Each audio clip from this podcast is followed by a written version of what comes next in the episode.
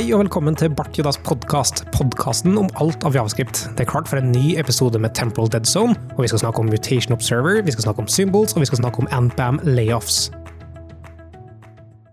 Ja, med oss eh, så har vi nesten det faste panelet, det nye faste panelet. Uh, Christian Alfoni er sjuk, dessverre, men uh, heldigvis så fikk vi en, en hastevikar helt på tampen, og det som er fordelen med det, er at vi slipper faktisk å omstille oss i det hele tatt. Eh, for vi har fått bytta ut en Kristian med en annen Kristian, både med CH. Kristian eh, Brevik, du var med på en episode tidligere òg. Yes, ikke så lenge siden. Uh, nei, sant. Velkommen tilbake. Jeg kommer til å behandle bare som Kristian Alfoni i hele episoden, på en måte bare siden du er vikar på den måten. så ta rollen hans generelt i podkasten tror jeg hadde vært greit. For så slipper vi å omstille oss i det hele tatt. I tillegg til det så har vi Kristian, den vanlige Kristian, ja. K. Hallo og den eh, ekstraordinære Marius. Hei! Nå fikk jeg dårlig samvittighet, for jeg kalte Christian vanlig, og det er ekstraordinært. Det var ikke meninga. Eh, og så med Mikael. Eh, vi er klar. Ny Temple Dead Zone. Og før vi setter i gang, før vi snakka om de artiklene som vi har gått gjennom, og så kan jeg si hva Temple Dead Zone er, for så vidt. Det er en podkasten der vi tar for oss en sjøllaga eh, nyhetsbrev, som inneholder typisk tre artikler av forskjellige ting som vi skal diskutere.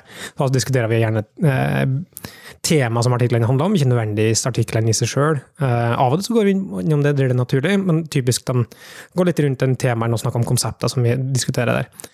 Eh, og før vi går inn i episoden, så vil jeg eh, starte med å annonsere det, Marius. Hvis du hører eh, den podkasten her før 30. april, så skal vi ha i Trondheim eh, en, den aller første eh, den utgava her av livepodkast. Vi hadde livepodkasts på konferanser før, men nå blir det et helt nytt konsept som er eh, jeg tror vi kan omtale det som det, det nisjekrysningspunktet mellom programmering og underholdning, og underholdning, eller programmeringsorientert underholdning i, i tillegg. Som om den podkasten ikke var nisje nok fra før av? Ja, så nå tar vi et subsett av det med å prøve oss på en slags lettbeint underholdningsaften, eller hva, hva skal vi kalle det? Ja. Nei, jeg syns du traff bra der. Altså, um, hvis du liker programmering og du liker underholdning, så, eller en av delene, så er dette en podcast, en livepodkast for det. Mm. Så møter opp på, på 30. Eh, april, WorkWork mm. i Trondheim. Eh, vi starta fra klokka 19.00, så starta vi innspillinga, eller starta liksom showbiten, i rundt eh, åtte. Uh, og da blir det mulighet til å, å, ha den gode diskusjoner i, imens. Og så uh, litt sånn underholdning og kanskje liksom interaktivitet, vet jeg ikke. Vi får se. Jeg tror det kan bli skikkelig bra. Ja, jeg gleder meg. Og, og, vi hadde ikke gjort det hvis ikke. Ikke bare gleder meg, jeg er ordentlig, ordentlig nervøs. Allerede? allerede. Altså, når, ja, nei, det blir Når vi spiller inn der, så er det jo 20 dager til. Ja. Og du kjenner det allerede? Jeg kjenner det. Ja. Så det blir hard, hard måned og, og gå og kjenne på det. Men uh, så det var bare det jeg ville si. Jeg kommer nå sikkert til å si det på slutten av episoden, bare for å sikre at alle får det med seg. Men dagens episode, Mutation Observer, og da har vi en artikkel som heter An Introduction to the JavaScript Mutation Observer, API, som tar for seg den nye API Mutation Observer. Så har vi en artikkel som heter JavaScript Symbols, but why? som da åpenbart tar for seg symbols. Og så har vi en, en uh, annen artikkel som går innenfor et tema som vi heller kommer til å løfte opp og, og snakke litt om, som, som uh, heter Nice People Matter. NPM may uh, stand for not politely managed. Job cuts leave staffs sore. Så vi skal ta for oss det konseptet og snakke litt rundt om, om det helt til slutt i dag. Alle innforstått med det? Ja. Ja da ypperlig. Mm -hmm. Da starter vi på toppen, og så ser vi på uh, Mutation Observer. Uh, Larifax, Christian. Christian Tryggestad. Yes. Uh, det var du som uh, tenkte litt rundt Mutation Observer, og at det kunne vært interessant å snakke om. Hva, hva, hva, hva tanker har du rundt, rundt det? Nei, jeg tenkte jo at det er jo på tide at vi begynner å snakke om det. Det har jo eh, vært i eh, spekken sikkert ei eh, stund nå. Men så vidt jeg kan huske, så har vi ikke vært innom mutation observers eller de to andre observer-typene som egentlig finnes, da. For det var vel du som foreslo den artikkelen i utgangspunktet, var det ikke det, Kristian? Ja. Men, men, du sier det eksisterte i spekken i ganske lang tid. Hva var det som gjorde at du plukka den nå? Nei, det, det var noe utfordring jeg hadde på jobb her en dag, da.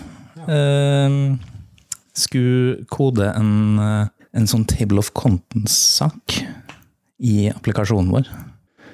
Og den skal jo da eh, detektere når det kommer nye uh, headings inn på sida, for de kan jo uh, komme og gå som de vil, holde på å si, basert på masse businesslogikk. Ja. Skal vi ta en kjapp intro til hva Mutation Observer er og først? Det kan vi gjøre. Er det noen som har lyst til å prøve seg på en forklaring? Det ble stille rundt bordet. ble stille rundt bordet. Det er mest nærliggende, Kristian, at du som har tatt i bruk, eh, kan forklare hva, hva det faktisk er, eller? Ja, nå, nå fiksa jeg det på ti minutter. Så jeg har ikke satt meg sånn fryktelig inn i det, men eh, det går vel hovedsakelig ut på at du kan At du kan sette opp en, eh, en observer på domnoder, egentlig. Og oppgi hva du er interessert i. Om du er interessert i endringer i attributter eller children eller tekstcontent og litt sånn eh, snacks. Eh, og så kan du begynne å observe en domnode, og så vil du få events da, med liste over, eh, over endringer, litt sånn underveis. Ja. Så øh, behovet kommer nok da sannsynligvis på at øh, du øh, har domdata, du har dominformasjon, og så Men så har det ikke funnes noen måte å si når det skjer endringer i det barnetreet her, eller i selve innholdet på den, så skal jeg agere på den på noen måte. Du har ting som når animation er ferdig, og du har ting som load og sånne ting, men du har ikke hatt når det her endrer seg. Mm. Så tradisjonelt sett måtte du da sannsynligvis ha sagt ok, når noe prompter en endring, så skal jeg, så skal jeg eh, gjøre en aksjon. Sant? Så du lytter ikke på nødvendigvis endringen i seg sjøl, men du lytter på dem som forårsaker endringene, for det har du mer kontroll over. Mm. Mens nå så er det innebygd eh, i nettleseren en måte å hookes inn på liksom, livssyklusen til oppdateringene av domen, og si ok, hver gang det her endrer seg, og så kan du sette scope, hva, hva slags type endring du vil ha, så skal du gjøre etter det. Mm. Og antar, da, siden du snakka om liksom, table of contents, at det var sannsynligvis eksempel content editable som var brukt i, i den redigeringa, for ofte rike editorer bruker content editable. Eh, Det var ikke akkurat det, men eh, ja, det kunne jo vært brukt til det òg. Men eh, i vårt tilfelle så er det bare Vi har et, ei lang side med stort form med masse fieldsets og sånt, og så har du lyst til å Basert på litt businesslogikk, da, så kan hele fieldset bare forsvinne eller dukke opp. eh, Litt avhengig av eh, masse forskjellige variabler, egentlig. Og da var det en enkel måte å få vite real time da, på en måte når sånne ting skjer, sånn at du må oppdatere den table of contentsen med, med nye headings, eller fjerne headings, eller hva man skulle være. da. Var det litt eh, performance også, samtidig som var grunnen til at, du valgte å bruke Mutation Observer? Ja, vi hadde, hadde vel en løsning før som ikke bruke, brukte mutation observers, men uh, gjorde noe annet. Det husker jeg ikke i farta hva han gjorde. Men uh, mutation observers uh, bør definitivt gjøre det her raskere enn den måten vi gjorde det før, i hvert fall.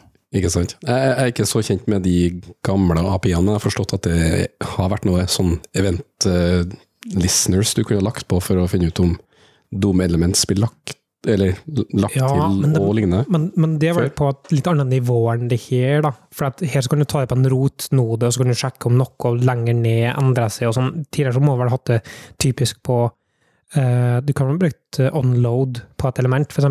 Add event, altså advent listener load, og så setter du det inn på, på en, en domnode. Blir ikke det som blir tingen? Et eller annet, à la det, i hvert fall, tror jeg. Jeg er usikker på om onload utelukkende er for eh, når du laster inn uh, eksterne ressurser. Uh, men jeg tror òg du skal kunne gjøre det på, på spesifikke domelement. Hadde vi hatt internett, så skulle vi ha sjekka. Mm. Vi har internett, altså vi orker ikke sjekke. Vi har uh, mange Mac-er med sånn butterfly-tastatur, så det kommer til å bråke mer enn mekaniske tastatur. sant?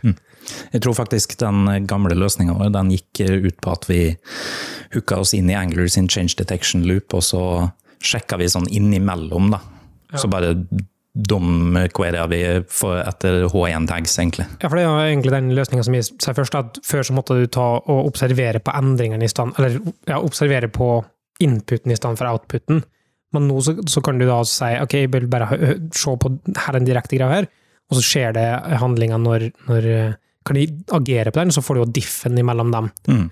eh, i større grad. Man kan jo egentlig si at den gamle løsninga vår var en pull-løsning, der vi sjekka etter endringer hele tida, mens eh, nå får vi pusha events til oss. da. Sånn type set timeout, da. så det går i en loop, liksom. Ja, vi så kjørte- sjekker hvert Vi kjørte egentlig en interval på et, på et vis før, da, mens nå får du faktisk beskjed akkurat når det skjer, da, istedenfor at du må drive og polle. Det er en, eh, en type applikasjoner du bygger som har behov for det, på en måte. Eh, altså den type arkitektur som baserer seg kanskje mer på For, for at uh, mange av de nyere typer arkitekturmodellene uh, i store applikasjoner, så har du det domen som output. Det har du liksom i Vue, og det har du i Angler, og det har du i React, og det har du i Ember, og whatever, med Glimmer i, i, i Ember.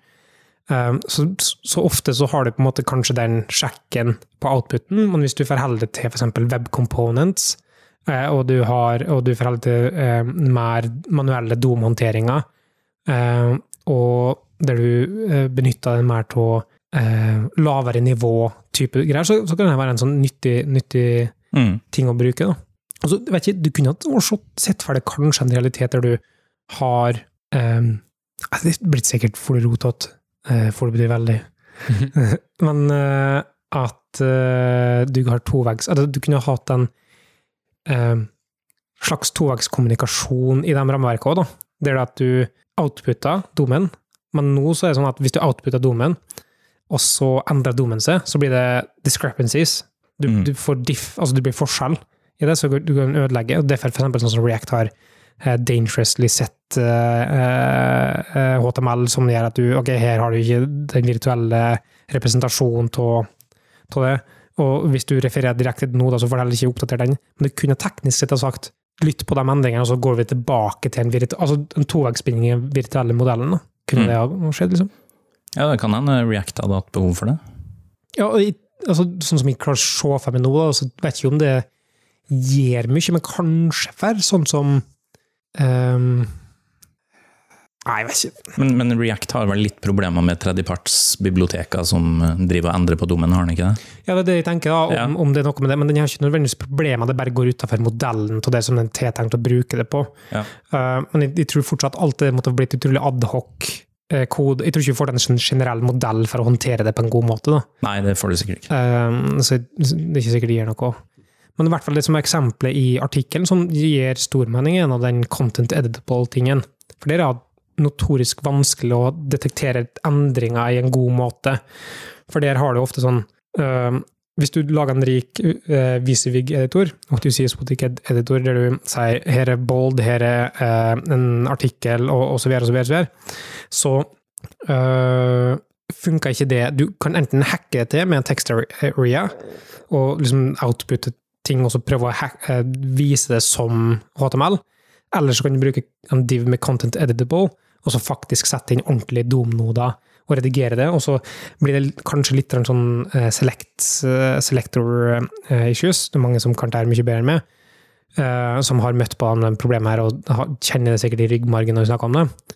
Men jeg tror sånn som Mutation Observer kunne ha en fordel, for da får du bare lytta tilbake på alle de endringene, rekurskift nedover, og så samler de sikkert opp mye av de endringene i, i sikkert igjen lignende eh, sånn som request animation frame, type debouncing inn, så du får det på en måte eh, til og med kanskje det hook inn i ordentlig browser uh, lifecycle events, som gjør at du får det aktivt på, på um, endringer. Men da kan, altså, da kan vi snakke sikkert langt mer elegante løsninger av de sånne, sånne endringer. Mm. Mm. Når jeg leste det her, er jeg ikke så kjent med kanskje de fleste browser-API, for jeg har ikke jobba så mye i nettleser med javskrift, men eh, når jeg hørte om det her, så trodde jeg det her var noe nytt. Først når jeg leste overskrifta, og så bare lest fort gjennom. Og eh, så forstår jeg etter hvert at det her er en gammel spekter fra 2012, eller noe sånt. Og eh, da begynte jeg å lure litt på hva bruksområdene til det var. Litt ref det du snakker om her nå. Og så googla jeg litt, og så sa jeg det var en gammel bloggpost fra Mozilla, tror jeg var, fra samme tida, hvor de eh, nevnte blant at de tror ikke eh, vanlige utviklere, for å si det i anførselstegn, eh, har behov for det her, nødvendigvis. Mest de som lager Javascript-rammeverk og lignende. Ekstraordinære utviklere sånn som Marius. Ikke sant? Sånn som meg. Ja, nei, det var en Å ja. callback til introduksjonen. Skjønner, Ja, skjønner. ja. Ja. Jeg prøvde med å være Ja, nei, viktig, da, men så Det det var fin, den. Ja. Eh, nei, men og det gjør nok kanskje mening. Biblioteker og, og eh, sånne pakker um, og sånne ting. Derfor at ehm, du, du kunne ha tenkt en annen modell enn den dere kjører, da, Christian med K. Da heter jeg for Kan vi kalle det en av dere pedere, eller annet sånt der? Eh, men ehm, for at du kunne ha sagt at nei, eh, outputen din hadde vært en representasjon av et objekt, og så kunne du ha projisert objektet på en annen måte for å få bare headers. sånn at Du filtrerer ut den, den eh, objektet til å bare hente ut headers. Eller hvis det var imp- representert i rådata i, i eh, applikasjonen din, som f.eks. Markdown eller et eller annet sånt, så kunne du henta det ut, og så hadde du sluppet å uh, måtte gått veien via resultatet for å få det tilbake igjen. Mm. Um, altså, jeg, jeg, jeg tror at ofte så klarer en å unngå å bruke mutation observer ut ifra modelleringa til applikasjoner, da, på en måte. Ja. Mm. Um, Men er det en hensikt i seg sjøl, eller er det bare mulig? nei, altså um, Både òg, for at i det øyeblikket du begynner å lagre eh, tilstand eh, For det du gjør, da, egentlig er å bruke domen som en database, eller domen som en representasjon av tilstanden din, så gjør det at du har, eh, du har fragmentert tilstand. Og det kan være, det kan være eh, slitsomt å håndtere, og så er det vanskelig å helle dem i synk, for eksempel. Og så- og så- det kan være en litt sånn eh, torn i sida, da, på sikt. Mm. Eh, Så da kan det være hensiktsmessig å unngå det. Men i mange situasjoner så har du ikke store applikasjoner, om du har bare Vi manipulerer domen direkte for at det er såpass enkel eh, DHTML-side, sant. Eh, Web 2.0 eh, eksisterer fortsatt. Mm. Eh, jeg innser at, eh, jeg innser at eh, eh, 2006-teknologi ikke er like hett som jeg håper at det skal være, men Web 2.0 lever i beste velgående. Du henger fortsatt igjen i forrige episode. Du har ikke helt klart å reve deg løs fra nostalgien. Ja. Uh, altså, det jeg syns er skikkelig kult med sånn type API, da, og det gjelder både Mutation Observer og det gjelder Intersection Observer, og sånne ting, er at den, den tar sånne spesifikke problem som var utrolig vanskelig å løse før, til å gjør det utrolig enkelt å løse dem. Uh, selv om du kanskje ikke bestandig har bruk for dem, men i det øyeblikket du har bruk for det, så er det, eh, gjør det jobben din langt enklere. Mm. Må, må komme en liten advarsel da, eh, til en eh, Tryggestad, som har tatt i bruk det. Eh, Jeg ble jo litt nysgjerrig når jeg først hørte at det var liksom rammeverkene er de som skal ta i bruk det her, så jeg måtte jo bare søke litt på GitHub på de store, sånn React Angular, og bare se hvem som tar i bruk det. Ingen av de tar i bruk det, men Vue tar faktisk i bruk det. Eh, og så måtte jeg se litt på hvor det var. Det var noe sånn type nesten samme det du prata om med intervall. Det var noe sånn event-tick-greier hvor de tok i bruk det. Men det som var interessant, var at um, det sto en kommentar på den koden at uh, mutation observers uh, funker helt utrolig dårlig i eh, UI WebView til IOS. Eh, jeg tror det var 933 eller noe sånt oppover. Eh, hvor det var noen sånn event touch handler som bare slutta å funke etter du har trykt mange nok gang på elementet. Men, men det er kun hvis du pakker det inn i WebView i IOS? Ja, eller du Ja. Kan, du kan, men du kan jo si at hvilken som helst app Ja, hvor du for skal vise en webside, kan bli truffet av denne feilen. Men, men har ikke, er er ikke den i et særtilfelle, er ikke Safari et særtilfelle med at det ikke er en webview på samme måte, eller er det, altså, er det, er det renderen Jeg må, jeg må kanskje presisere, Safari de bruker v, WK WebView, altså WebKit eh, WebView, som er det nyere. Eh, så det er ikke Altså, nå begynner det å komme dit at de fleste har migrert til eh, WebKit, WebKit. Ja. Så det er kanskje ikke et eh, like utstrakt problem, men f.eks. for eksempel React Native som jeg jobba med, der var den ikke web, eh, VK WebView en eh, mulig eh, komponent å bruke i ganske lang tid. Så det finnes garantert mange apps der ute som fortsatt bruker UI WebView. Eh, Så det, det som, jeg husker ikke helt hva som sto i den koden, men det var noe sånt at de måtte få back til noe sånn promise-basert arkitekturanslag, uten at jeg vet eh, detaljene. Det er sikkert en rett og slett fallback-mekanisme med, med polyfills, da, der de uh, observerer. Sikkert nok.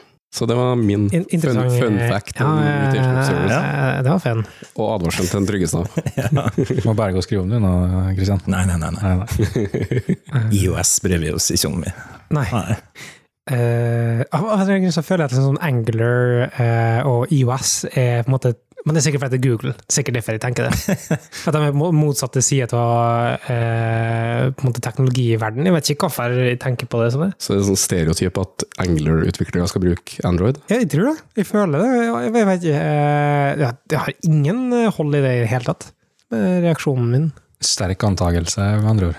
Ikke en antakelse engang, det er bare en, en slags En idé du fikk sånn. her. En idé jeg fikk, som ikke har filter til å helle inne.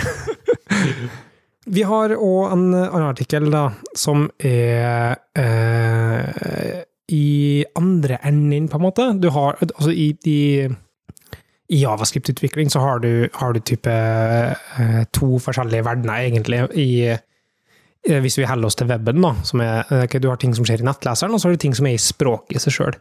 Eh, og de utviklingene skjer i to forskjellige tempo, i to forskjellige arbeidsgrupper. Eh, det er ikke, det er ikke f.eks. TC39, Technical Committee 39, som står bak eh, API som Mutation Observer, men de står bak ting som språkutvikling, som går på tvers av plattformer. Enkelte ganger er det sånn som Node.js implementerer en nattleser-API for å være konsekvent, f.eks. set timeout og set interval. Eh, Men sånn som Mutation Observer gir ikke mening for, for Node.js å implementere. Men altså, det skjer på separate plan. Nå skal vi, det er min lange intro til å si at nå skal vi snakke om språkendringer. Eh, og det er en språkendring som kom i, i, i ECMAScript 2015-draften, og har eksistert ganske lenge. Eh, men det er rett og slett en utvidelse til en ny type eh, primitiv verdi i, i språket. Eh, og det er da symbols. Symbols har eksistert i andre språk i forskjellige former. Eh, De kan kalles eh, nesten tilsvarende atoms og, og literals og, og sånne ting. Og så har du da eh, symbols, som det kalles i, javascript. Noen som har lyst til å prøve seg på en eh, forklaring på, på sparket.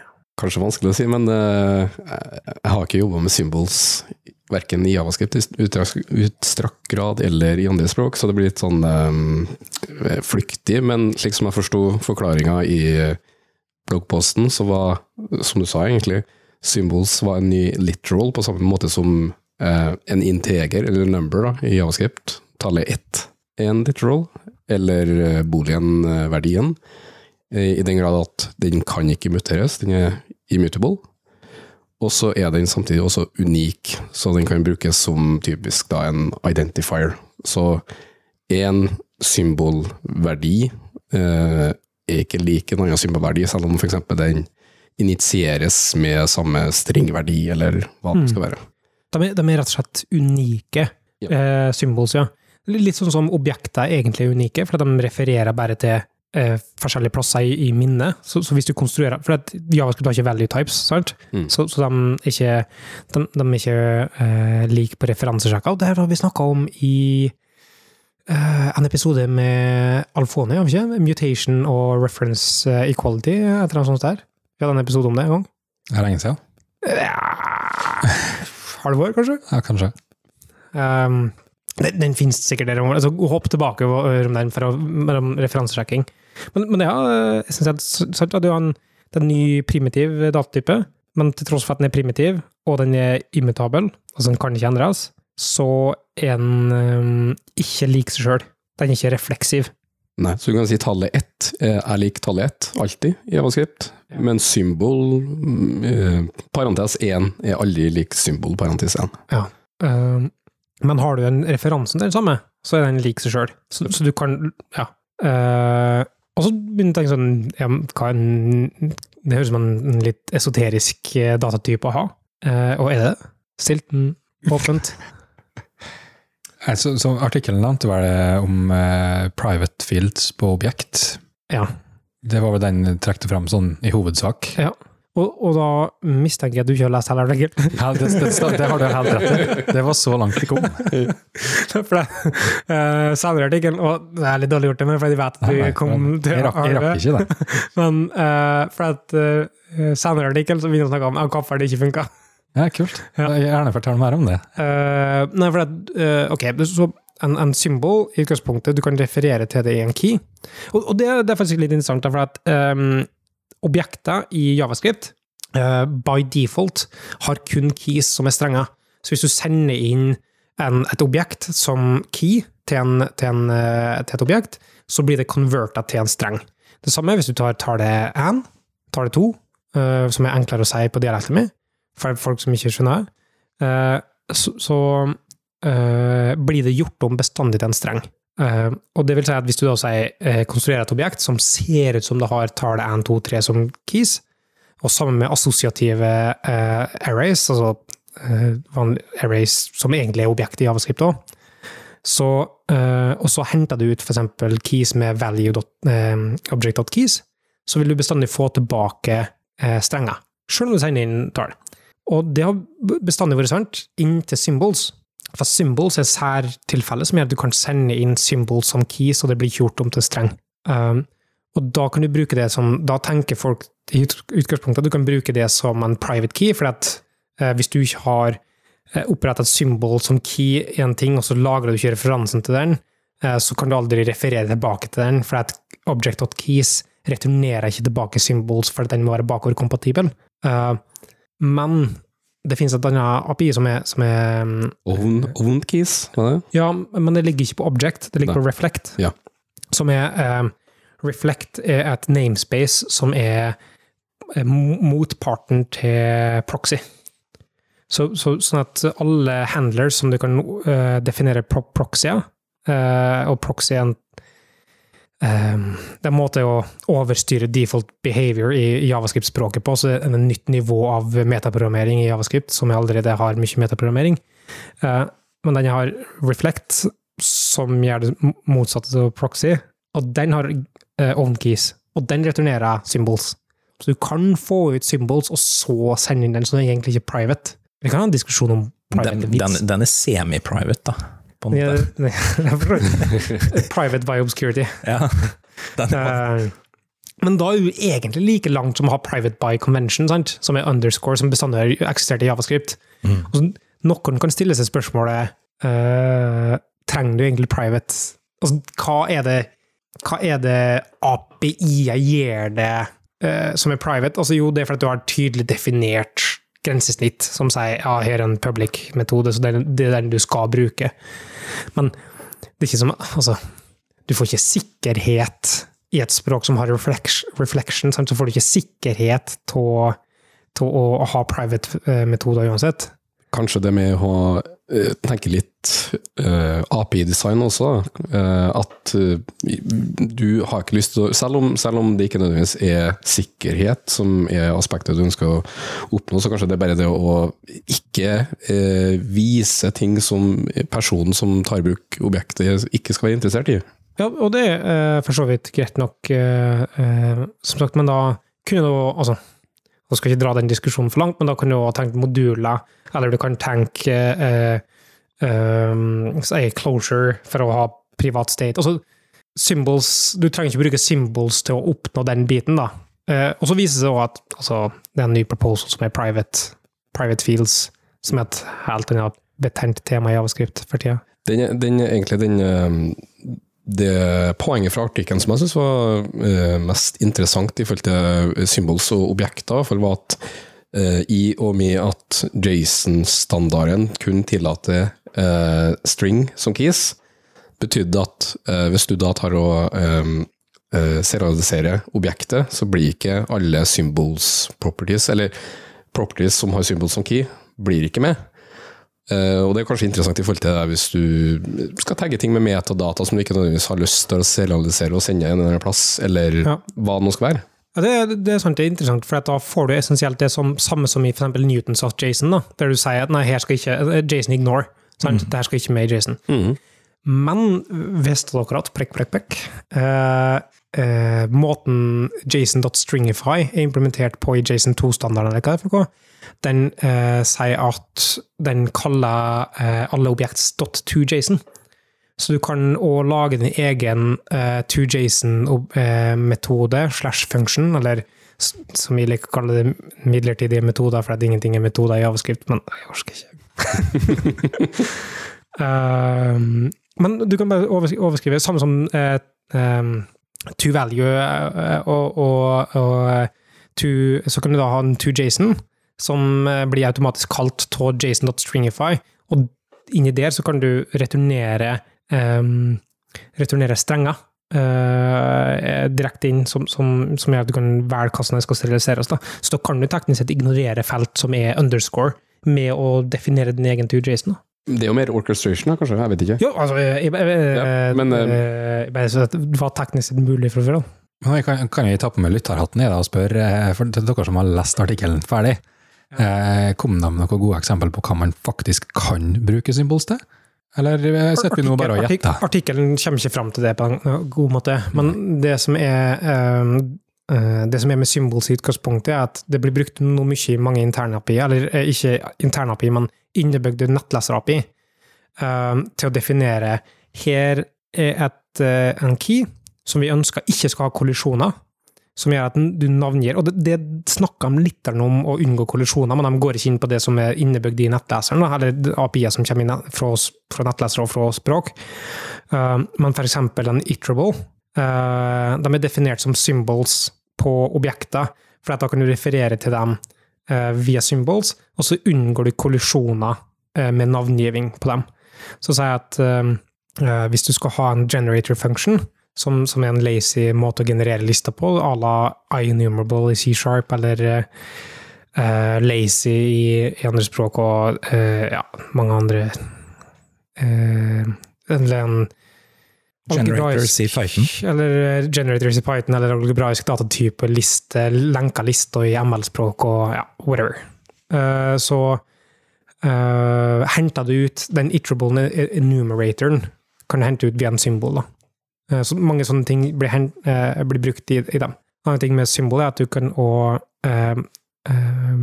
Du har en unik måte å, å generere på, f.eks. symbol av fu er eh, ikke lik og ikke refleksiv med symbol av fu, men du kan lage en casha eh, oppslagstabellverdireferanse som er f.eks. symbol dot for fu, og den vil være lik symbol dot for fu igjen. Ok. Ja. Så det er interessant. Ja, altså, de vil jo absolutt påstå det. Men ok, det her, nå, nå merker jeg jeg har en del spørsmål, eller i hvert fall ett. Ja. Eh, hvis du eh, setter en variabel til å være et symbol av fu, Ja. og så setter du en annen variabel til å være den variabelen du deklarerte før, Ja, og så setter du dem til å være alik, alik, alik lik, er lik hverandre, da har du referansen til den, og den du, og den vil være lik. Ja. ja greit. Uh, men hvis du har en symbol av fu er lik symbol av fu, nye referanser, de er ikke like. Nei, den ser jeg. Uh, og, men hvis du har symbol for fu, symbol er lik symbol for fu, så er de like, for de slår opp på den samme Mm. uh, casha verdi. Mm. Uh, men det som er innebygde språk av ES, som et literable og sånne ting, er at de ekspor- eksporterer sin referanse til symbol. Så de kan unngå da kollisjoner med å si her er det her iterable-symbolet. Uh, jeg vet ikke hvorfor jeg sa det som en gammel amerikaner, men uh, man kjører tjukk L, i hvert fall. Uh, og så sa de òg og her er symbolet for Itropol, så kan du bruke den direkte inni der. da. Hva ofte kommer den gjengse utvikler til å bruke symbol? Ja, hvis du skal lage et API som har den samme typen mekanikk, da, der du vil unngå kollisjoner for det, Ja, nei, eller hvis du vil ha en unik verdi som ikke kan være eh, refererbart for andre ting. Mm. Vi snakka i stad om at Mutation Observer kanskje ikke er noe vi, vi på en måte gjengs utviklere bruker daglig, så er vel det her eh, i samme kategori, om ikke en kategori lenger ned, på en måte. Apropos eller, Men, men at React og Angler og sånne typer rammeverk og sånn kan finne på å bruke det, og jeg vet RxJS bruker det. De har definert en eh, symbol.observable som alle observable-rammeverk kan eh, Og det, bruke. eh, eh, det, det er jo en utrolig interessant tanke, for at, eh, sånn som Javascript fungerer, sant? så kan du ha mange forskjellige versjoner av et rammeverk. Og da trenger du en måte å eh, som, eh, hva hva heter ducktype eh, forskjellige instanser på. Så dette her tilhører dette her min. For hvis du sitter på en lokal cache i en eller annen biblioteksimplementasjon, så må du vite at Og dette var problemet med jQuery òg. Du kunne ha to forskjellige jQuery-versjoner som begge to holdt på sin datasett eh, og plugins og sånne ting. Så må du sjekke er dette her min, eller er dette en annen. Og da kan du bruke symbols til, for uniqueness og, og sjekke det. Og det er sikkert det eh, RxJS bruker jeg til òg, da. Ja, og så er det på, på samme måte som at du har en iterable symbol for iterering av eh, hva som helst eh, av eh, listetyper, eller hva jeg skal si, så har du en, en felles observable symbol, altså både RxJS og jeg husker ikke hva de andre heter, men det finnes noen tre-fire andre sånn observable rammeverk. Bacon. Bacon, ja. X-state? Nei, det er mer uh, machine state, uh, uh, state machine. Men du har um, Extreme, ikke? Jo, jo. Han uh, André Stalt sin uh, nye uh, Callbags, som er observable-aktige greier. Skal ikke slutte med det? Nei, altså, det, det, Som om det her ikke var nisje nok fra før av. Ok, Eh, jeg trekker meg tilbake. nei, nei, det går fint. Men, men, eh, men de har i hvert fall samme, kan bruke samme symbol, da, sånn at du i teori, tror det betyr at i teorien så kan du kombinere RxJS og bacon i samme kodebase, på en måte? Um, Kanskje? Ja, men, men det kunne jo være utgangspunktet uansett. Men, Ja, ja, men altså, hvis du har en- en observable entity, som Ja. er at du kan være eh, interoperabel med dem, ja. Ja, At du har en RxJS observable som du har lyst til å bruke bacon-operatorer på. på en Ja, måte. Ja. Uh, du må da uansett ha en konvertering, for de har da forskjellige baseimplementasjoner av det. Så, så du måtte uansett ha et konformt API, da. ja, kanskje. Det er vel en, en form for interface eller spekt der òg, da. Det er en annen diskusjon, for så vidt, for det kunne være interessant å, eh, å bruke og snakke litt om uh, innebygd observable proposal. Ja, ja det, det er jo eh, også tanken da at når når du får på den innebygde saken, så kan du liksom bruke RxJS og den sammen, da. Ja. Egentlig. Så RxJS kan eh, egentlig slette masse av sitt API, fordi at det har kommet i det innebygde, men så kan du bruke RxJS sine sånne ekstra operatorer da, ut på den native Ja. observable-typen. Så, så RxJS blir mer og mer om til low dash fair observables, på en måte. Ja, det vel det som er tanken, hvis det her kommer inn i spekken på et tidspunkt. da. Interessant. Mm. Jeg tror det var, var det for, for eh, symbols. Eh, Vi gikk litt eh, langt ned i grauten litt stund her. For denne gang, kan du si. For- blir ja. Det vel en gang til, tenker jeg. Ja, eh, om ti år skal vi se tilbake. Sånn var Symbols for ti år siden. En Symbols spesial. Så den eh, siste tingen vi tenkte vi skulle prate litt om i, eh, i dag Jeg vet ikke om noen har fått det med seg, men jeg, og, og det er ikke det. Det er ikke noe særskilt stolt over, egentlig. Men jeg begynte å bli sånn nysgjerrig når det, det var en sånn florering av subtweets på internettet, eh, der det begynte å komme en del rykter om, om, eh, om forskjellige ting. Og så har jeg drevet nesten eh, første gang når jeg våkna, og søkt på Twitter etter det her eh, en stund. Og så har det på en måte eh, eh, bare utvikla seg fra det, da. Og, og, det- og det er så nærme du kan komme eh, en viss sånn se og hør i utviklingsverden. Eh, men det er da eh, noe som, som foregår under hashtaggen eh, NPM layoffs. Har noen fått med seg saken? Ja, jeg har jo det, på grunn av at du linka den til meg og spurte hva jeg syns om saken. Jeg har, fått den med meg, men jeg har ikke sjekka det like godt ut som det du har. Nei, og den, den artikkelen er i, i eh, The Register, jeg tror det heter, eller er det noe annet? Nei, det er det. det. Uh, The jeg bare ser på logoen, og så ser det som en A midt imellom der, jeg vet ikke hvor den kommer fra. Men uh, det er Register, som, som uh, tar for seg det, og, det, og den artikkelen kom lenge etter eh, på en måte jeg har ført med, men det er interessant å få det bekreftet, det er en sånn konkret artikkel å ta utgangspunkt i. Eh, og eh, for å starte der, da, så er tittelen på artikkelen er litt sånn eh, kanskje skjebnens ironi, for at NPM har bestandig vært en uttalt, eh, uttalt uh, uh, proponent, proponent Proponent. La oss gå for det. uh, for å være nice. Forkjemper. Og, for å være Ja, forkjemper, ja. For å være hyggelig og, og, og være gode arbeidsgivere. Og være rettferdig og god og, og snill. Sånn. De har gode menneskelige verdier, da, har vi uttalt. Og, og ofte det som NPM blir forkorta for, de, de har gått helt vekk fra at det er Node Package Manager. Det var i tidlig opphav. Eh, Men nå så har de en sånn tilfeldig generator for forskjellige eh, NPM-forkortelser, og, og hver gang noen sier at det er Node Package Manager, så sier de nei, det er ikke det. det er, eh, Nice people matter. for eksempel. Og, og det har vært den, på en måte den gjennomgående eh, tingen å si, at uh, NPM står for Nice People Matter, og de har, de har gode verdier som ligger til grunn. Um, og så har det vært en sak i det siste, som er at eh, For det første så ble NPM for noen år siden, og sikkert mange som husker det, ble et, det ble et eh, formelt INK. Det ble NPM INK, Det ble Incorporated, det ble et, et ordentlig selskap. Um, som kunne tyde på positive ting, for de har da tilknytta eh, de har da tilknytta penger til det, de har stabilitet potensielt, og de, de kan overleve. Og Dette er i motsetning til mange andre package managers som er eh, drevet offentlige, drevet public og, og sponsa til, andre ting. Um, men så er da incorporated, og det er eh, eh, selskapsdrevet. Folk som på en måte er ansatt for å drive på det her fulltid, eh, videre. Etter hvert så skjedde en, eh, et lite skifte med at ting ble closed source. Før så tror jeg Registry var åpen, eh, også nettsida deres var åpen. Nettsida er nå closed, eh, Registry er ikke åpent lenger, det er closed. Det som er fortsatt open source, er CLI-en deres. Eh, og det blir drevet som et open source-prosjekt. Eh, men også skjedde det en ting i fjor, som var at de fikk en ny CEO, en Isaac Schultz, som har vært eh, founder og CEO. Han gikk ned eh, som CEO, og så fikk de inn en annen eh, CEO som kommer fra andre typer eh, eh, selskap tidligere, og startups, og skulle komme inn og drive greia. Etter det så har det tydeligvis skjedd en del endringer.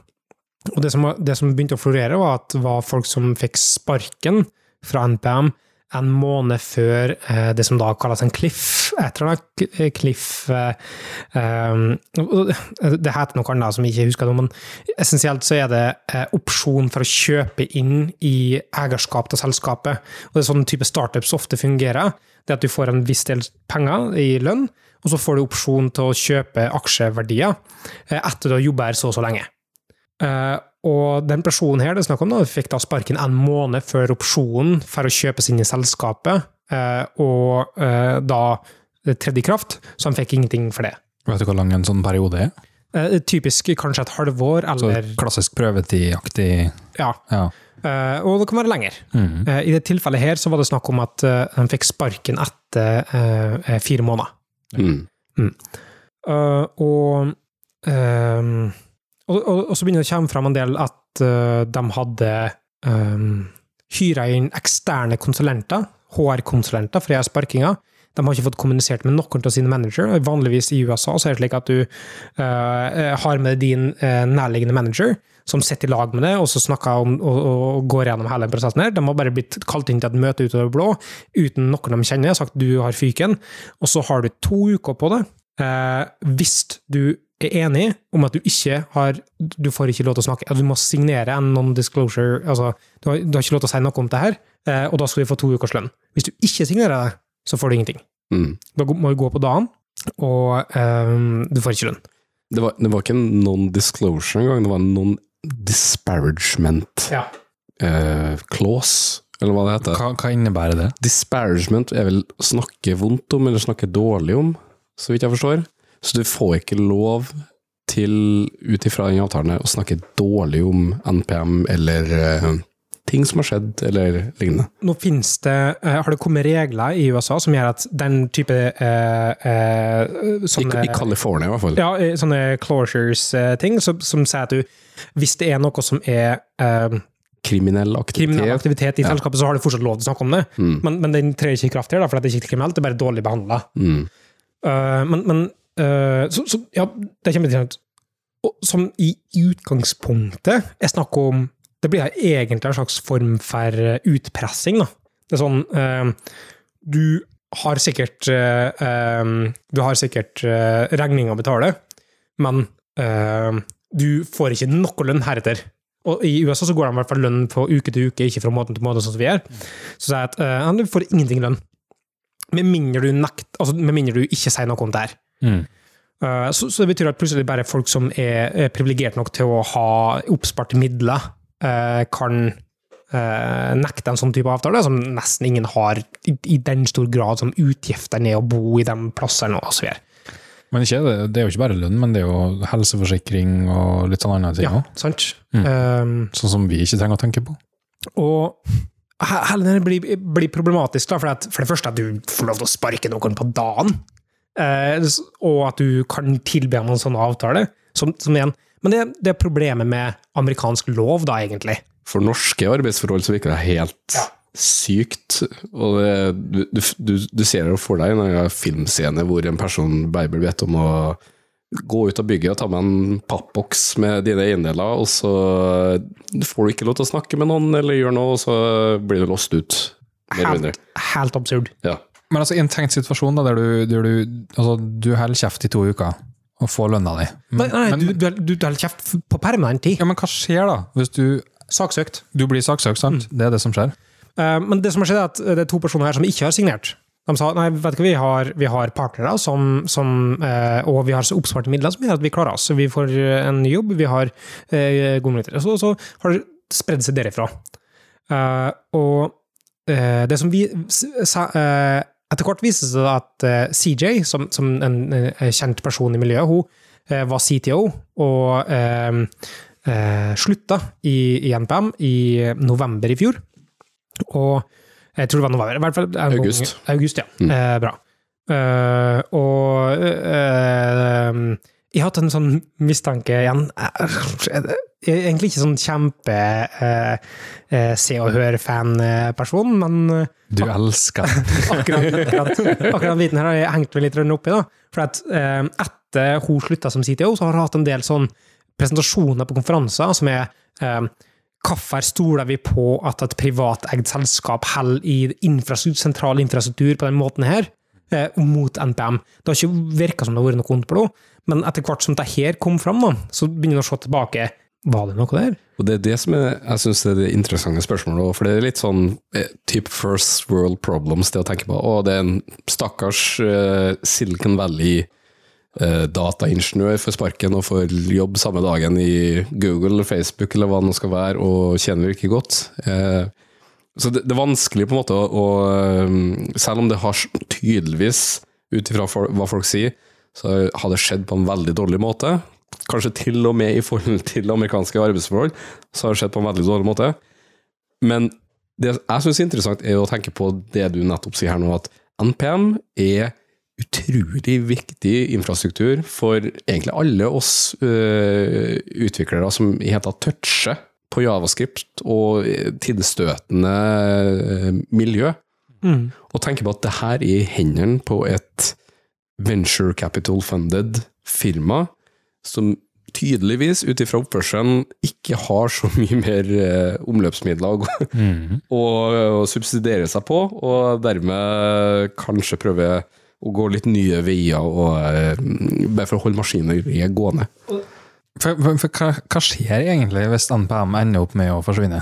Altså, for at Jarn går jo mot det samme registeret. Ja, Jarn har ingenting med å gjøre. Nei, nei, men altså, bare for å- For, for CLI-en, Ja. den, den er triviell. I, i, I praksis. Det som er uh, kjøttet her, er registeret. Og det er der de står på. Og det er alle metadataene. Og det finnes speilinger, det finnes sånne ting som men det tar tid, da. Eh, Jeg, jeg så Siste estimat var sånn eh, Noen eh, projiserte, og jeg tror det var CJ som sa det, at eh, kanskje tre måneder før folk For det er jo opp til speed igjen, da, eh, for å sentralisere og, og fikse det. Ja, men akkurat det du sier, Kristian, som, som jeg har lyst til å, egentlig komme fram til òg, er at um, du har åpenbart en dårlig måte å behandle folk på, som er eh, Som du ikke forventa, eller som du, som du eh, skulle trodd at ikke var måten å behandle folk på, når de har den agendaen og den eh, uttalte eh, Uttalte eh, eh, livssynet og menneskesynet som de liksom skal ha, og så kommer det på den måten. Eh, og, det er en kjip, råtten ting, men eh, det betyr ikke nødvendigvis at det får konsekvenser. Altså, vi kunne tatt prinsipielt standpunkt og sagt at ja, men når de er slik, så, så syns ikke vi det er noe bra å støtte det. Eh, og som, som kunne vært greit nok på en måte som filosofisk standpunkt, men det, eh, til syvende og sist så ville det ikke nødvendigvis ha fått konsekvenser for oss som konsumenter til å registre. Men det vi kanskje stille, begynner å stille spørsmål om, er ok, de gjør den typen prioriteringer her. eh, er det egentlig fornuftig at det står VC-kap, altså venture capitalists, eh, som sitter på eierskap til en så sentral ressurs og en så sentral infrastruktur som eh, NPM-registeret? Er er, er det problematisk? Og jeg tror ikke nødvendigvis det er pengene det er snakk om nå. For det, det, viser seg, at uh, de rollene som nå har fått sparken, uh, nå nettopp, de har utlyst de, de stillingene på nytt. Sjøl om de som fikk sparken, uh, har fått bekrefta fra i hvert fall sagt fra når de fikk sparken, at det var, hadde ingenting med performance å gjøre. Det var ikke det at de ikke gjorde jobben sin bra nok. Og eh, med mellommanagere, altså folk som var Jeg tror hun eh, ene som, som eh, starta som nummer fem i NPM, var ansatt nummer fem, eh, eh, eh, sa opp som en følge av at eh, hennes eh, undersåtte eh, fikk sparken på den måten. eh, har hun sagt opp, eh, som en, vært en sentral rolle i, i, i eh, NPM. Eh, og, men nå så hyrer de inn tilbake de rollene som er der, og det sier enten da at eh, de prøver å underbetale noen, eller prøve å ikke eh, dele vekk eh, eh, Da kan du begynne å tenke sånn Nei, de, de sparka dem før den Cliff-tingen tredde til kraft, så de ville helle på eierskap sjøl, fordi at de skal prøve å selge det ut til flere venture capitalists, eller de skal prøve å selge det ut til en, en, en offentlig børs, og så videre. da.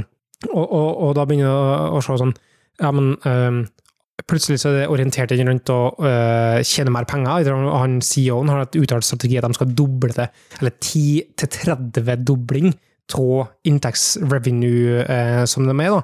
Så plutselig endrer du fokuset fra øh, å være en sentral hostingkilde for distribusjon av pakker på en, på en god måte, til å være en money-making-maskin. Og da kan vi begynne å stille spørsmål med er, er, det, er det greit? Og jeg har ikke lyst til å bidra til å, sta, til å skape storm i vannglass på det, uh, men uh, det er et spørsmål som er verdt å på en måte stille seg i langsiktige løp. Jeg tror ikke vi på en måte nå skal ha panikk, og, og, og det er uh, stor grunn til å migrere vekk til, til lokalhosta kopier til registeret, sant? Mm. Men det er en interessant filosofisk spørsmål. For hva er det egentlig NPM tjener penger på, da? slik jeg har forstått det? så er det Enterprise-kontoer. ja, de, de tilbyr Enterprise muligheten til å hoste sitt eget registry, eh, men det er det, sant? Det er Ja, og det. businesskontoer eh, med scoped packages for businesser koster 7 dollar per bruker. Og du må betale for det òg, ja? Ja, ok. Ja. Det er jo ingenting, sånn egentlig. Nei, i store og hele så er jo det dråpe Nei, ikke hvis det er en del av din sentrale måte, distribusjonsmekanisme. Da. Ja. Så 7 dollar per bruker er egentlig ingenting.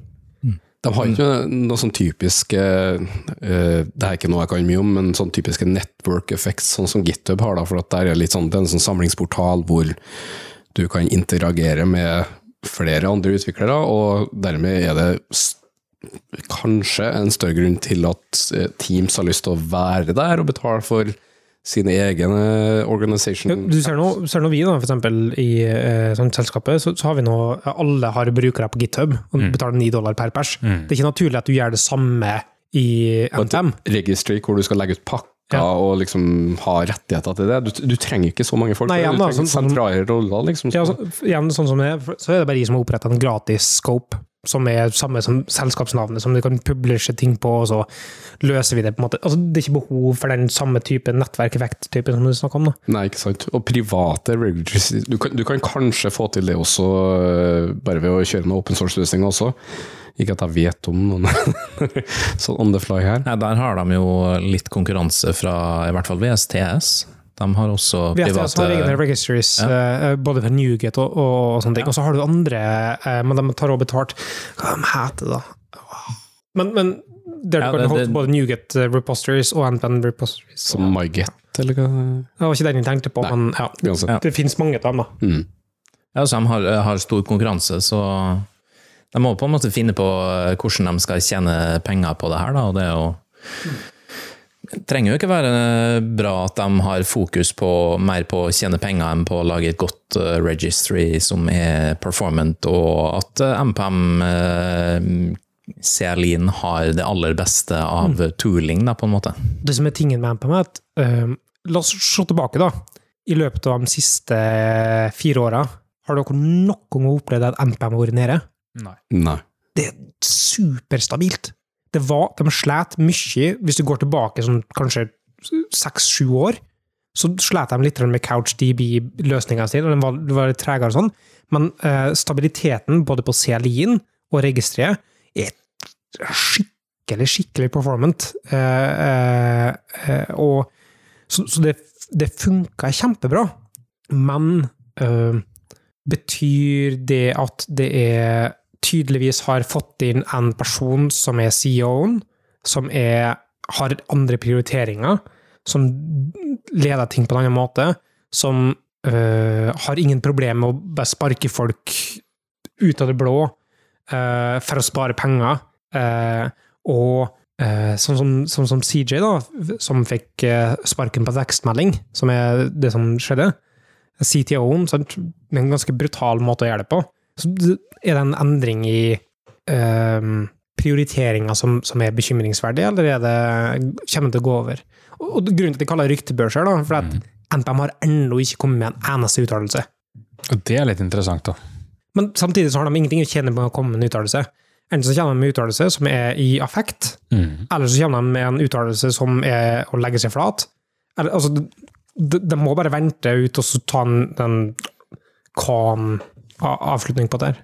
Hvis, man skal touche litt på det amerikanske arbeidssystemet, da, uten å gå for dypt inn i det Jeg hørte nettopp en uh, podkast om eh, det å være ansatt i Netflix. Og Netflix er jo anerkjent som en, en plass eh, som er veldig mm, attraktiv å være ansatt eh, hos. Ja, men der òg er det store problem eh, etter det jeg hørte i ansettelses... Altså presset som folk føler, da. Men samtidig så har de, så vidt jeg har forstått, eh, en veldig konkret og, og uttalt strategi rundt akkurat det.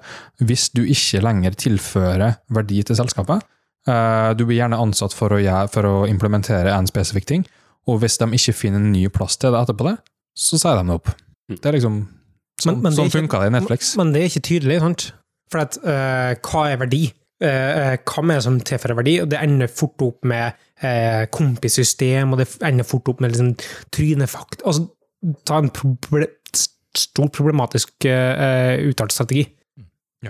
Det er kanskje ikke de Altså, at, at nå, nå, nå skal jeg ikke svarte meg Netflix, jeg kjenner ikke til Jeg har ikke hørt den podkasten. Men kanskje det ikke skjer det sånn, at vi er ikke eh, Det var litt noen som kommenterte, tror jeg, på den Register-artikkelen også, at grunnen til at du har human resources, er fordi at du ser på mennesker som ressurser. Det er ikke nødvendigvis folk som jobber i firmaet, men det er ressurser som skal utføre et eller annet.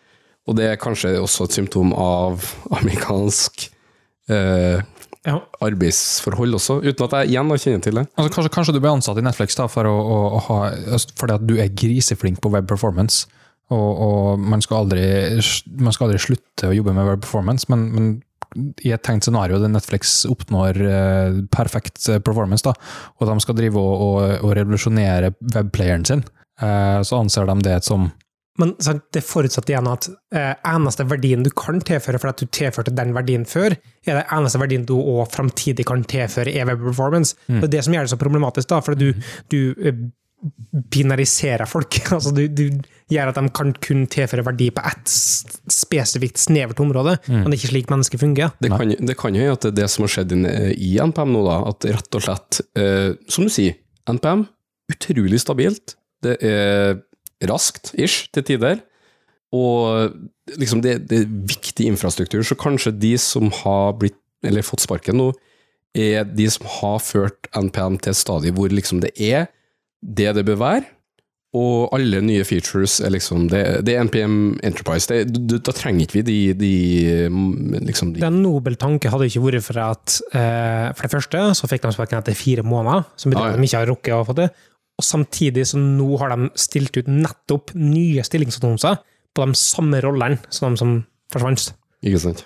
Så det betyr at det åpenbart arbeidsoppgaven ikke er ferdig. Da. Og det eneste jeg kan se, er at enten så er det av at de ikke gjorde jobben bra nok, men det hadde de liksom fått sagt at det var ikke det som var tilfellet. Eller så er det rett og slett at de vil eh, redusere lønna, eller redusere utgifter på dem, slash eh, redusere mengden eh, eh, aksjekapital de kan gi. Det virker jo som det er litt dit det går, da. At de prøver å kutte kostnader og, og eh, streamline på en måte firmaet, sånn at du, de kan eh, holde ut lengst mulig nok på venture capitalen de har nå. Eh, eventuelt nye funding rounds. Jeg, jeg kan jo ikke noe om det, men, men det, altså det, det er jo som du sier, det er ryktebørs, det er subtweets. Vi har jo ikke så mye informasjon å gå på, så det er jo kanskje ikke eh, det, det er ikke mye nyttig kan jeg si der. Men det jeg syns er nyttig å diskutere, er igjen da rollen til NPM som viktig tilbyder av infrastruktur for oss utviklere, og i, generelt innovasjon og eh, produktivitet på internett. Men, men eh, hva er på en måte forskjellen mellom eh, NPM da, i javascript-verden og uh, Nuget i C-sharp? Nuget. Er jo på en måte Microsoft-produkt, og det er jo C-sharp, så der har du på en måte Microsoft på begge sidene, sånn sett, da, mens her er det eh, NPM er totalt frittstående fra javascript som språk, da, egentlig. Ja, hele og, og hele måten javascript er bygd opp på, så er det ikke en, en uh, sentral, uh, proprietær eier på det? Så, så den funker ikke den måten. Men det som du ser i eksempel Python, og du ser i uh, mange andre forskjellige språk, så er at uh, pakkeregisteret er drevet av at foundation, open source foundation, eller åpent, eh, eh, åpen greie, som, som du kanskje skulle sagt at NPM burde òg uh, vært, da. Og som det på et eller annet tidspunkt var. Eh, men så begynte de å formalisere det og lage om til et selskap osv. Mm. Men uh, finnes det en slik uh, åpen organisasjon innenfor javascript, da? Det, gjør- det gjør jo det. Open, hva, hva er det nye? Node Jodas har blitt slått sammen med Ja, Jodas Foundation. Eh, ja, før så fantes det eh, JavaScript Foundation, eller Jodas Foundation, ja, og så Mm. var det eh, Node Jodas Foundation. Eh, begge de to har slått seg sammen til uh, OpenJS, Ja, eh, som, som er en del av Linux Foundation.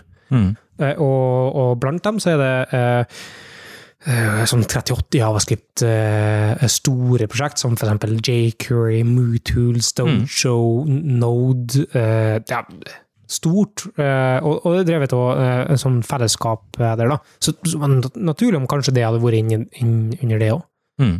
Og de, eh, det er vel mulig med medlemskap for eh, større firmaer også her, i forhold til sånn platinum og gold-nivå, sånn som jeg, så jeg vet f.eks. IBM og jeg tror det er Samsung eh, finansierer det, eller en av de foundationene med 150 000 dollar i året, eller noe sånt som der. Som i det store og hele, det er ikke store summer i forhold til venture capital, så klart, men for at ting skal drives på en måte i et Ja. åpent miljø og lignende, så er det jo, er det jo en god del. For du, du får ikke penger tilbake her, da.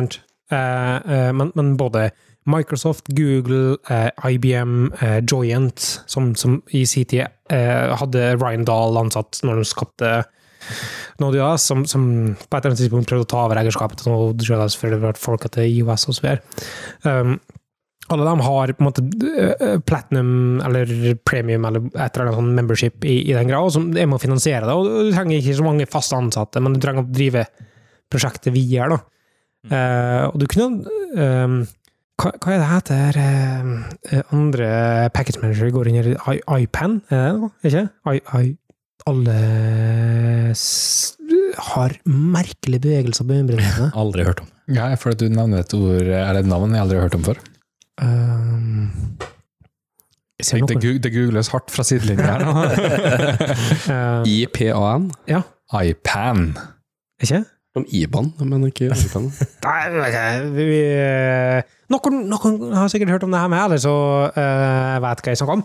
Men um, som er en sånn åpen, åpenhet uh, rundt uh, package managers. Men, men eh, hva er risikoen her for oss eh, forbrukere da, av NPM-registeret, egentlig? Den største risikoen, som vi ser det, er at de plutselig sier eh, vi stenger ned eller luk, altså, eh, tar betalt Mm. fra sluttbrukeren. Mm. Da tror jeg det er mye større sjanse for at de tar betalt, enn at de faktisk stenger ned. Ja, men hvis de går tom for penger, sant? Ja, men Så- hva ofte skjer det, da? Altså, for For startups, Nei, men altså, det, hver dag. NPM er jo brukt av i hermetegn alle. Jo, men det, det betyr ikke at de tar inn penger. Og det øyeblikket de ikke får betalt ansatte, de, de, altså de går ad, Nei, men. Da. det er jo derfor jeg sier at jeg, jeg anser det som en mye større sjanse at de tar betalt for det, enn at de faktisk stenger ned. Jo, men um, øh, Og de vet ikke hvordan det funker i også, Så, men, men i hvert fall sånn som for eksempel i Norge, i det øyeblikket du ikke kan betale ansatte, så blir det automatisk konkurs. Og hvis du ender opp med samme situasjoner, så hjelper det ikke at du begynner å ta øh, tar betalt for løsninger for alle, for at det tar øh, tid før det begynner å, å skape revenue. Så da har du ikke likviditet til å kunne ta unna de utgiftene du har, og så vil du uansett måtte ha blitt slått konkurs. da.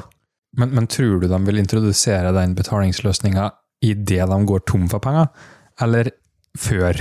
Nei, men da, konsekvensen er uansett det samme. da. For at, øh, Jeg tror ikke NPM er en skalerbar løsning hvis alle må ta betalt per nedlasting, f.eks. Eller Men- men- alle må betale for tilgang til re register. Ja, altså uansett, hvis, hvis de finner på at eh, nei, vi må ta betalt for det her, så kommer det jo til å være en enorm flukt så lenge det finnes et alternativ. Og er det noe Javascript-community er glad i, så er det jo forks. Så at det kommer et alternativ, det er jo eh, bombesikkert. Ja, men, men igjen, Og, så, og i og med at Microsoft eh, for eksempel da har på en måte teknologien til å speile MPM-registeret, så har de jo også teknologien til å lage et nytt et hvis de bare gidder. Så mm, det er jo ikke Altså, det er jo en risiko, men det, altså for eksempel Jarn kan jo bare endre noen få kodelinjer, og så går de mot et helt annet register, sannsynligvis. Og så Så det, det er plutselig sånn. Facebook uh, Ja. javascript. Det er jo, det er jo mye bedre.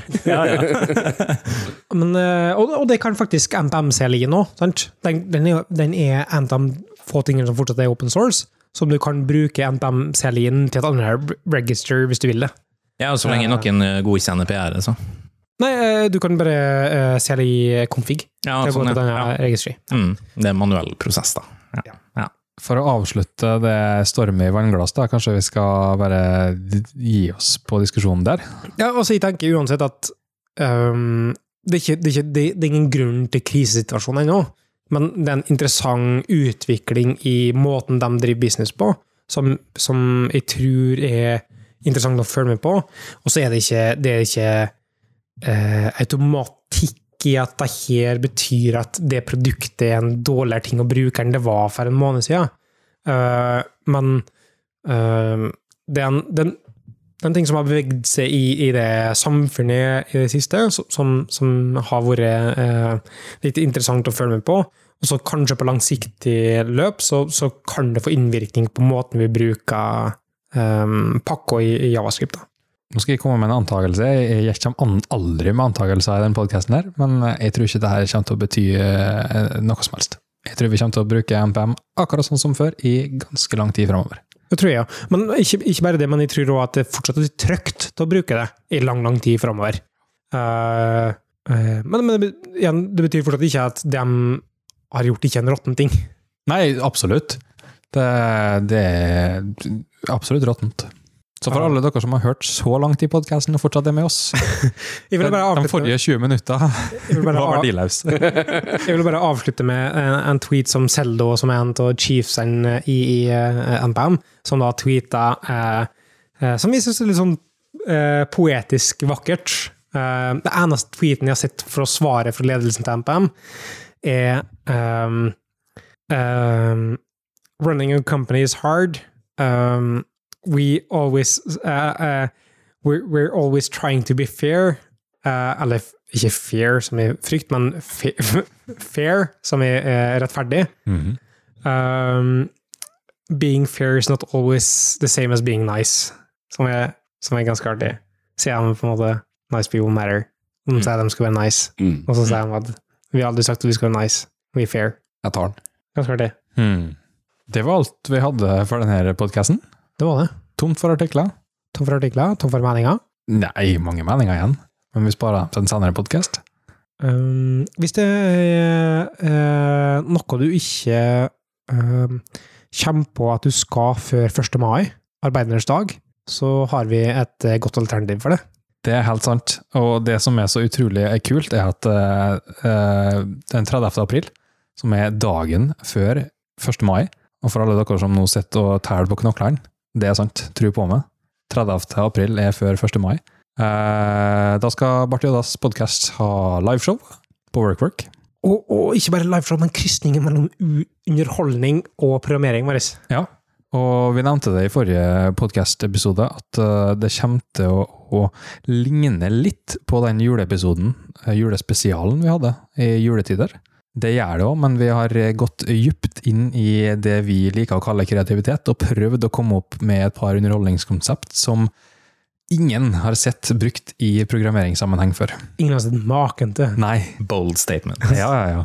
Så eh, det finnes både meetup-events for det, Facebook-events finnes det òg, for dem som liker det bedre. Så det er egentlig bare å slenge seg på. Eh, søk opp Barthe Dahls på Facebook, det er det enkleste, tror jeg. Og så er det 30. april. Uh, Workwork i Trondheim. Starter klokka sju. Er det? Mhm. Det er vel ikke noe påmeldingskrav heller? Absolutt ikke, det er bare å dukke opp. Ja. Ja. Men uh, huset skalerer ikke i det uendelige, så uh, det er greit å, å vite om vi blir 30 eller 3000. Trykk 'interested' på Facebook. Gjerne. Ja. uh, hvis eh, folk har lyst til å ha kontakt med det, Kristian Brevik, så har du en eh, Twitter-handle. Ja, den er oppfinnsomt nok uh, Christian Brevik. At Christian Brevik. Ja, I motsetning til GitHuben, som er C. Brevik. Jeg vet. Ja. Dårlig valg. Nei, ja, ja, akkurat som jeg sjøl. Ikke Christian Brevik. altså. Det var opptatt. Vi prøvde. Kristian Christian eh, Tryggestad Nå er jeg spent. At Larifax. På. Twitter. Stave? Og GitHub. GitHub òg? Og overalt ellers. Ja, for det var, det var ikke opptatt med fire R-er og sju X-er. Nei, nei, nei. Aldri opptatt. Det er det som er så praktisk med han. vet du. Han kan bare fyre på med R-er og så Ja, får han navnet sitt. Ingen problem. det. Nei. Marius, spørsmål om produksjon av podkast, eller om Bartidas spesifikt? Da finner vi på Twitter på at krakels. Eh, Og vi kan du nå med at Mikael Brevik, eller eh, faktisk gå på Bartiodas sin eh, offisielle eh, Twitter-handle. Eh, Ikke verified ennå, men når som helst nå. Eh, Så er det at, at underscore Bart Jodas. Da gjenstår det egentlig bare å si eh, takk for at du hørte på. Så høres vi i neste episode.